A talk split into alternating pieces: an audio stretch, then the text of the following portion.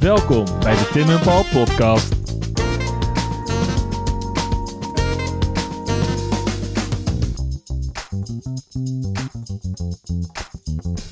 Paul, Tim. eh, de tweede. Ja, De, de tweede van onze eh, nieuwe ronde isolatietapes. Ik Ja. weet niet, eigenlijk niet of we gaan doornummeren. Daar moeten we nog maar eens even over nadenken. Want dan zou zou, een dit, beetje lekker gevoeld hoor. dan zou dit misschien de veertiende of zo zijn. Of de Ja. tweede.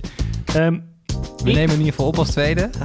we weten niet maar misschien wordt hij ook als derde uitgezonden. Ik wil het met jou gaan hebben, eh, Paul, Mhm. over de verftube. Oké, Want heb jij daar wel eens over nagedacht? nee. Wat een ongelooflijke doorbraak dit is geweest in de geschiedenis van de schilderkunst. Nee, heb je me wel eens zien schilderen? Heb je me wel eens zien tekenen?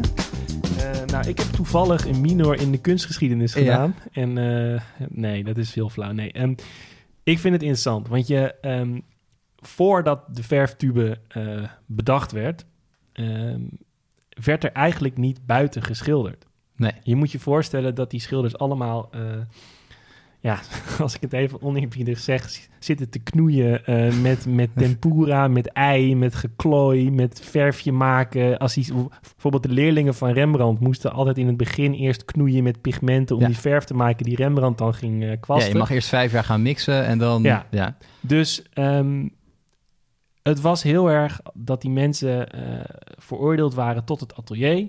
Daar was de verf. Die verf die was niet zo lang houdbaar. Die werd dan wel eens bewaard in, in ingewanden van dieren, eh, blaasjes, darmpies. ehm. en dat was lastig. En dat was ook nooit zo gecontroleerd en nooit echt regelmatig, die verf. Totdat John, ik weet niet hoe je die tweede naam uitspreekt, John Joff, denk ik, Rand. Is het met een G? Die, is het G-of? Ja, het is Goffe. Goffe. Goffe. John Gofferand. John Gofferand, ja.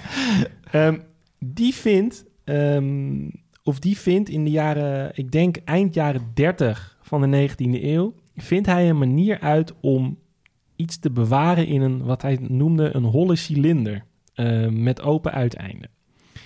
En daar, Ja. kan, daar kan verf in bewaard worden. En in 19, of in, sorry, in 1841 krijgt hij in Amerika daar een octrooi voor. Eh, om dus een tube te maken waar verf ingestopt kan worden. En bedenk even wat een scala aan mogelijkheden er dan komt. Ja, dan mag je naar buiten. Dan gaan schilders dus ineens buiten met een krukje en een ezeltje knoeien met een tubetje. Ja. Stel je voor. Ja. Dat zijn die mensen die, als je hier over de grachten fietst, dan zie je ze nog steeds daar zitten. Ja, met die allemaal mensen waren vroeger ver- verdoemd tot in het atelier te zitten. Ja, en ehm, zoals er dus bijvoorbeeld bij, bij Rembrandt zijn er veel tekeningetjes. Dat hij dan ergens geweest is, dan heeft hij iets getekend. Mhm. eh, en dan, nou, dat, ziet Ja, dat, dat is een observering. En dan tekent hij dat heel Ja, je moet natuurlijk van tevoren studeren. Tenminste, je ziet dat, je neemt het waar, je, je, je etst het of nee, je, Ja, je tekent het eerst waarschijnlijk en dan ga je het misschien in het atelier uitwerken tot iets. Ehm, en er werd ook gewoon wat dat betreft in het landschap veel minder naar het leven geschilderd. Hmm. Al, die, al die klassieke Nederlandse landschappen, dat was niet naar, Hoe naar, het echt is. naar waarneming. Niet. Dat was Oh. gewoon vaker... eh, sorry Paul, ik, ik prik hier allemaal lucht, luchtballonnen door. Ja. Eh, dat was veel vaker gewoon een, een bepaalde, bepaalde motieven die gebruikt werden. Bepaalde dingen die ze inderdaad wel een keer gezien hadden of in een schets hadden gezien, die dan in het atelier werden uitgewerkt. Maar pas als die verftube wordt bedacht, ontwikkeld en ehm, ja, wordt geproduceerd en rijkelijk verkrijgbaar is, gaan ineens schilders naar buiten. Gaan Mhm. ineens zien, of tenminste schilderen wat ze zien, in plaats van wat ze denken te zien. En het bekendste voorbeeld daarvan zijn eh, de Franse impressionisten. Ja. En die impressionistische eh, schilderstijl, die kan alleen maar ontstaan door die verftube, dat ze naar buiten gaan. Dat ze heel snel eh, iets proberen vast te leggen. Heel vluchtig, heel snel, heel speels, heel los. Ja. Dus, Paul, bedenk even dat er door deze verftube een hele nieuwe... zouden geen eh Monet, Manet... Noem het allemaal maar op, die waren er gewoon niet. Nee. Die waren er gewoon niet geweest. Ja, ik, ja, voor mij houdt eh, de kennis van eh, en waardering van schilderkunst ook wel op na 1850. Dus ik weet niet of ik er echt positief over, over nadenk. Ehm, ja, vet. Ja, Ja, graag gedaan, Paul. dankjewel. Onthoud die naam, Jo- John Joff Rand. Ook al weten wij het niet hoe het Hoe je het uitspreken. uitspreekt. John Joff. John Joff Rand en eh, de verftube. Fantastisch. Right. Eh, ik heb ook iets over naar buiten gaan. En eh, het zal je misschien niet verbazen, dit, is weer een nautisch dingetje. Oké. Ja. Ja. En ehm, dit, ik heb het in een vorige isolatietape gehad over meneer Harrison. Meneer John Harrison. Ik weet niet of je dat nog wat zegt. Ja, dat zegt me wel Ja, Was dat niet van die klok? Dat is van die klok. Ehm, en dat ging over van oost naar west navigeren. En dat het een heel Ja. gedoe was en dat mensen allemaal doodgingen van oost naar west en allemaal ellende. En hij kwam dat met een oplossing. En toen heb ik eh, geprobeerd uit te leggen ehm, waarom het moeilijk is om van oost naar west te gaan. En eigenlijk daarbij een beetje links laten liggen van hoe eenvoudig het is om van noord naar zuid te reizen. En eh, dat klinkt een beetje vreemd, want je, het, het, blijft, bedoel, het blijft moeilijk om te varen, daar niet van. Maar het is wat makkelijker navigeren. Navigeren is echt gewoon de kunst van het beseffen waar je bent. En ik ga het met jou hebben nu over een hele belangrijke uitvinding daarin. En dat is de sextant. Ja. Ja, eh, naast dat het een, een, eh, een prachtig object is om, om te zien. het, is, het is eigenlijk een soort kunststukje. En zeker de wat, wat oudere van, eh, eh, van brons gemaakt. En weet je, het ziet er allemaal prachtig eh, steampunk-achtig uit. Ehm, het is eigenlijk een uitvinding die voor het eerst echt gebruikt wordt halverwege de 18e eeuw. Het er zijn al wat eerdere versies, pak een beet 1725, 1730. Ehm, er zijn twee mensen die, die dit min of meer tegelijkertijd hebben, ehm, hebben bedacht. En ik ga vooral voor het Engelse verhaal. Want ja, die waren toen hè, 18e eeuw Engelsen. Dat is toch wat belangrijker dan de Amerikanen. Ehm, de meneer, ehm, dat is meneer Hadley. En, en meneer Hadley die, die bedenkt de sextant. Die bedenkt eigenlijk de voorloper ervan, dat is een octant. Ehm, waarom dat zo heet, kom ik, zo op. En dat is eigenlijk een kleine revolutie in, eh, in navigatie. En dus in scheepvaart en dus in handel en dus in hele belangrijke dingen. Wat, doe je, wat doe je eigenlijk met een sextant? Is je wil weten waar je bent van noord naar zuid. En ehm, dat doe je door de, de, de driehoek te bepalen tussen jouw plaats, de horizon en de zon om 12 uur 's middags. En dan heb ik het niet over de zon om 12 uur 's middags op je horloge. Want dat maakt niet zoveel uit. Je horloge kan voor of achter lopen of je kan in een verschillende tijdzone zitten. Zeg maar zeker nu, als wij het nu doen, klopt het eigenlijk niet.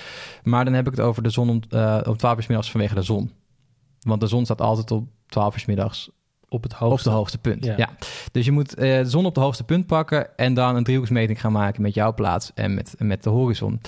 Het vervelende als jij, ehm, daar waren allerlei methodes voor, maar als jij ehm, rechtstreeks de zon in kijkt, Tim, wat gebeurt er dan met je ogen? Dan zie je niet zoveel. Nee, gaat niet zo goed, hè? Nee. En je had voordat het sextante was, had je allerlei andere eh, producten die dit, deze berekening wel konden maken. En noem een Jacobstaf of dat soort, dat soort dingen. En eigenlijk is dat altijd lastig. En altijd ehm, ja, raken die arme jongens die dat moeten, moeten meten, die raken gewoon blind na een aantal jaar. Want ja, je Ja. ogen verbranden gewoon. Zonnebrilletjes hadden ze nog Hadden niet. ze nog niet. Nee. Nee. nee, nee, dat zou heel mooi zijn geweest. Dus wat doet de sextant? Die voegt een aantal spiegels toe. Dus eigenlijk hetzelfde met een periscoop. Dus je, je, je kijkt niet direct, direct de zon in. Ehm, kleine, kleine voetnoot erbij. Stel je voor, je bent aan het varen. Het is 12 uur middags. Op het hoogste punt, maar er hangt een wolkje voor. Kan je niet meten. Over het algemeen is dat niet zo erg, want je doet, toch, eh, je doet er toch acht maanden over om naar Indonesië te komen. dus acht maanden plus een dag, ja, hè, kniezoor. Maar als het, als het aanblijft, dan kan je, en het is s'nachts bijvoorbeeld wel goed zichtbaar, eh, of de, de, de, de sterren zijn goed zichtbaar, dan heb je natuurlijk geen zonlicht, maar wat je wel kan gebruiken is de Poolster. Oké, ja. Ja. Ehm, vaak denken we dat de Poolster eh, de helderste ster is die we kunnen zien. Het is niet zo. Als je vanavond naar boven gaat kijken en je ziet een hele heldere ster, dan is het waarschijnlijk niet eens een ster. Dan is het waarschijnlijk een, Een planeet. vliegtuig ook. Of een vliegtuig. Eh, of het ISS wat in één keer keihard voorbij komt, eh, eh, komt scheren. Ehm, maar dat, dat is de Poolster. Ehm, die heeft eigenlijk dezelfde functie als de zon om 12 uur middags. En als je die meting gaat doen, dan ga je polshoogte nemen. Hey. En niet pols met één O, maar pols met, met dubbel O. Ja. Dus als de mensen zeggen van ja, het is polshoogte met één O. Dat mag tegenwoordig. Dat staat ook in de dikke van Dalen dat dat mag. Maar dat is dus niet waar het vandaan komt. En dat is een van mijn hele grote frustraties in het leven. Dat mensen Oké, dat dus genoteerd, gebruiken. Paul. Ja, Genoteerd. Waarvan akte. Ehm, anyway, die wil dus van meten van, van noord naar zuid met die driehoeksberekening. En als je kijkt naar een sextant, hoe dat werkt, je kijkt door het ehm, verrekijkertje heen. Je kijkt op een spiegel, op een andere spiegel. En aan die tweede spiegel zit een klein pookje. Dat pookje kan je bewegen of dat kan je schuiven. En dat schuift over een gradenboog heen. Dus stel je voor, wij staan op een schip en wij, Ja. wij staan die meting te doen. Ehm, en we hebben de zon om 12 uur te pakken. We kijken met één oog door het sextant heen. Linkeroog kijkt op de horizon, rechteroog door, het- door, het, door het sextant heen. En we- door vanwege die twee spiegels gaat de zon optisch zakken. Omdat je dat pookje aan het verschuiven bent. Op het moment dat de onderkant van de zon op de horizon staat, dan weet je precies waar je bent. Want dan kan je namelijk in de gradenboog aflezen op hoeveel graden noorder- of zuiderbreedte je bent. Je hebt dan geen eh, tabellen meer nodig. Die heb je wel nodig, is goed dat je dat zegt. eh, maar niet vanwege de meting die je op dat moment moet doen. Maar je hebt een aantal tabellen nodig vanwege iets anders. Namelijk, je moet exact weten welke dag het is. Ah, de zon om ja. 12 uur 's middags op 21 juli staat anders dan Ja. om 12 uur 's middags op 21 december bijvoorbeeld. Dus je Ja. moet daar een variatie Maar- voor, voor hebben. Maar je leest dus in principe op die gradenboog... lees je wel gewoon het, het aantal graden noorderbreedte of zuiderbreedte af. Ja. Ja, en dan, of tenminste, er staat een notatie op en die kan je dan in je tabel kan je dat dan eh, kan je erachter komen. Corrigeren. Precies, ja. Op land is het eigenlijk super nauwkeurig. Ik weet even niet, ik wist het vroeger wel hoeveel het eh, precies was, hoeveel, hoeveel foutmarge er was, maar dat was echt, dat, dat viel binnen een kilometer, zeg maar. Dus dat is behoorlijk, eh, behoorlijk weinig. Op zee heb je nog een ander verhaal, want wat doet een schip? Schommelen. Ja, precies. En als je eh, goed zeeziek bent geweest in, in hoge golven en je moet, eh, ja, dan sta je daar een beetje met je sexant te klooien, te klungelen. Ja. En dan heb je natuurlijk niet per se een hele goede meting. Er zit, er zit wat meer foutmarge in, maar het is absoluut heel erg nauwkeurig. En absoluut veel nauwkeuriger dan van oost naar west. En dat, dat zie je ook terug op, eh, op heel veel kaarten. Ehm, als je gaat kijken naar, naar oude kaarten, dan zie je vaak dat van noord naar zuid het allemaal wel redelijk klopt. Maar van oost naar west het allemaal super lelijk is. Ja. En dat heeft dus onder andere daarmee te maken. Dat van noord naar zuid meten eigenlijk veel simpeler is dan van oost naar west. En gek genoeg is het nu makkelijker om van oost naar west te, te meten. Omdat wij, we hebben horloges, we hebben een telefoon Ja. waar je tijd op staat. Niet heel veel mensen hebben nog een sextant in hun binnenzak zitten waarmee ze dat kunnen meten. Dus de, de, de, het feit dat je zegt, ja, we zijn vandaag 52 graden noorderbreedte, dat is Amsterdam. Daar zullen niet heel veel mensen eh, denken van, nou ja, dat is, dat is heel erg logisch of zoiets. Maar goed, het is wel enorm belangrijk geweest voor die ontwikkeling, omdat gewoon heel veel min- mensen minder blind werden aan boord van het schip. En je dus veiliger in Kaapstad aan kan komen bijvoorbeeld. Ja. Sextanten. Ik heb er overigens ook een eh, tatoeage van op mijn arm staan. Dus Maar dat geheel terzijde. terzijde, ja. Alright. Op naar de volgende. Yes.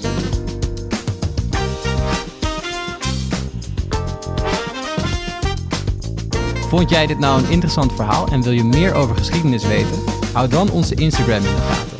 We zouden het ook heel leuk vinden als je een recensie achterlaat. Vijf sterren, mag gewoon. En heb je nou een vet idee waar we het over kunnen hebben? Slide dan in onze DM's. Durf gewoon te vragen. Tot de volgende. Groetjes thuis.